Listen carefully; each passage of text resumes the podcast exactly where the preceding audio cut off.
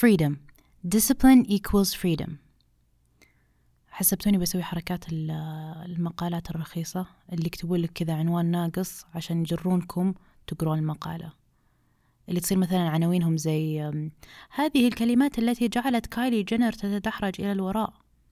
بعدين تدخل المقالة وتدور الكلمات وين هالكلمات؟ بعدين يا تلقاها في نهاية المقالة أو أصلا ما تلقاها أبدا. المهم آه المقصود من هذا كله أني أنا لا ما راح أخدعكم وعودتكم على الصراحة دائما بدون لف ودوران. فإيه موضوعنا اليوم هو discipline equals freedom.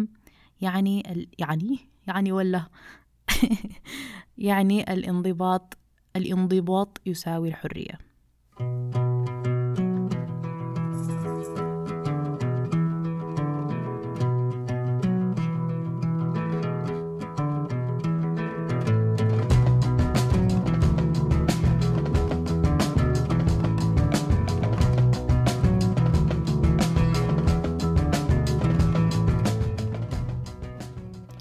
Hello lovers, haters and people with no feelings towards me. لما نشوف فيلم مثل New York Minute معلش على الاختيار الغريب اللي هو حق ال twins Mary-Kate and Ashley الفيلم عبارة عن شخصيتين أو أختان. الأخت الأولى منظمة مرتبة والثانية كذا محيوسة وكذا أو rock roll غالبا إحنا المشاهدين نتحمس مع شخصية ال rock roll حسه أوه هي الأكثر روشنة. أو مثلا خلينا نقول في مسلسل Friends دائما الناس يحبون جوي أو ريتشل بس ما يحبون مونيكا اللي هي مرتبة. فسؤالي هو ليش ما نحس إن المرتبين ناس cool أو إن ترتيب الحياة شيء cool يعني مثلا كل كم مرة قلت مثلا؟ كل ميم نسوي له retweet أو كل صورة مضحكة نسوي لها retweet أو repost آه هي غالبا عن جلد الذات. مثلا في الصورة في الصورة هذه المضحكة. الشخص قاعد يقول خلاص أنا من يوم الأحد ببدأ دايت. بعدين يجي الأحد وهو يشرب جالون بيبسي مع تقولون جالون ولا جالون؟ آه، بيبسي مع بيتزا وبرجر. أو مثلا واحد يقول خلاص I'll start getting my shit together tomorrow. بعدين يجي بكرة بعدين نلاقيه في حفلة ما جينا. فهذه النوع من الصور قصدي. يعني أنا صراحة يضحكني جلد الذات وأحس إنه self awareness بطريقة منحوسة. بس أحس بعد subconsciously كل ما شفنا أو سوينا repost لهذه الأشياء يبدأ يزيد عندنا الكسل والتطنيش ونصير cool بس يعني cool بطريقة سلبية يا أحبائي. okay طولت في المقدمة في المقدمة. اللي أبغى أوصل له إن الانضباط شيء مهم في حياتنا وأول مرة أسمع جملة discipline equals freedom كانت من ال podcaster الشهير والكوميديان جو روجن أول ما سمعتها قلت شلون الحين discipline معناه انضباط؟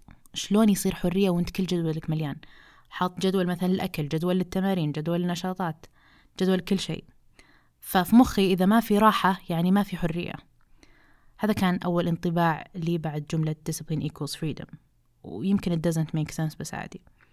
بعدين رحت بحثت عن أصل الجملة ولقيت إنها عنوان لكتاب اسمه dis... okay إنها نفس الاسم. قصدي اسم الكاتب جوكو ويلينك واسم الكتاب Discipline Equals Freedom. وقرأت الكتاب وفلسفته هي التالي. يقول إن الناس بالعادة تدور وتختار ال easy way out ال hack ال shortcut ال ketogenic diet. okay ما قال ketogenic diet بس أنا يعني أمقت أي diet له اسم.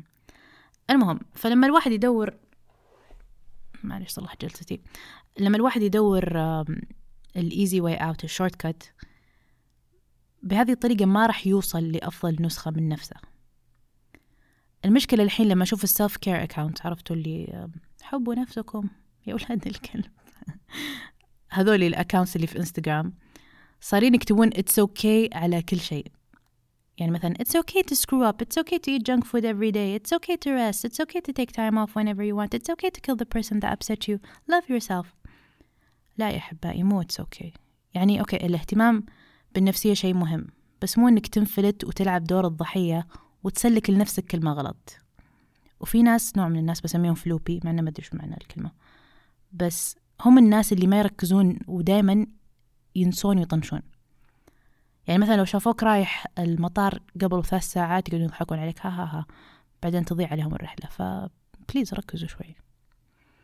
المهم الكاتب يقول الطريقة الوحيدة للوصول لل best version of yourself هي مو عن طريق الإلهام والإيجابية ولا ال motivation حتى قد ما هي الانضباط.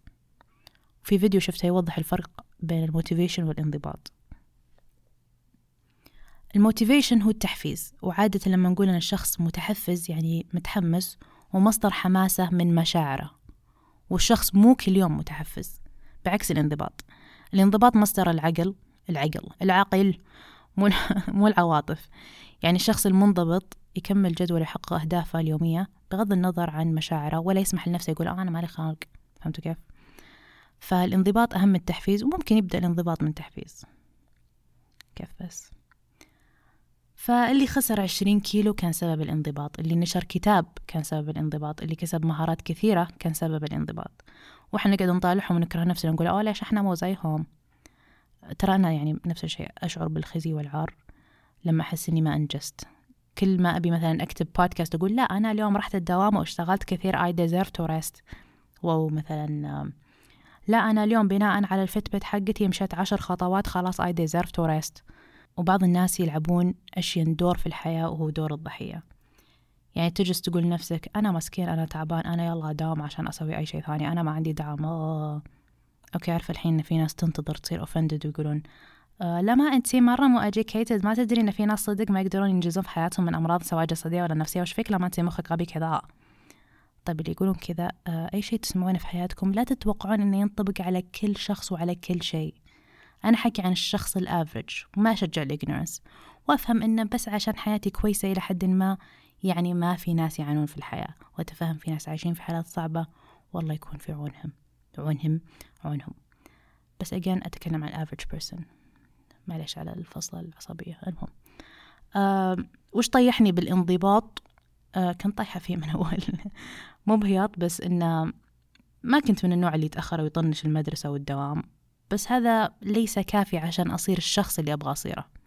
اللي يطيحني بالانضباط هو كتلة من كره الذات وعلى قولة اقتباس قرأته مدري وين يقول You are not happy because you are not what you want to be. جملة بسيطة بس عشان نتبعها نتبعها يبيلها مرة شغل كثير.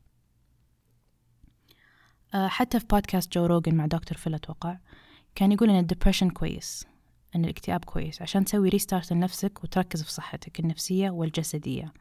وكل هذا التركيز بس عشان تبعد نفسك عن فترة الكآبة الشين المخيسة القاتلة أو الصياح غير المنطقي. فإيه مثل ما قلت لكم كنت كارهة نفسي وأعطي نفسي أعذار ومتمسكة بإنجازات قديمة على أساس أن عادي ما أستمر أنجز زيادة في حياتي.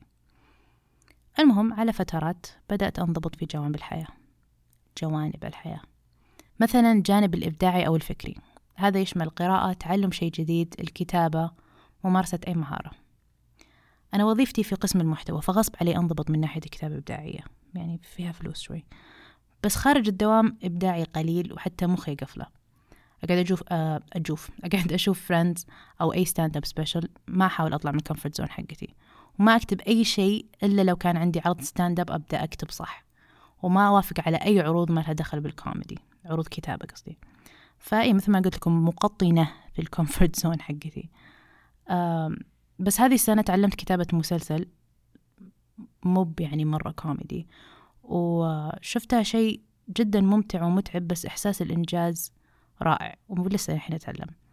بالنسبة للقراءة كان عندي برنامج اسمه Today على الآيفون أه تحدد في عدد الأيام في الأسبوع اللي تبغى تسوي فيها شيء معين.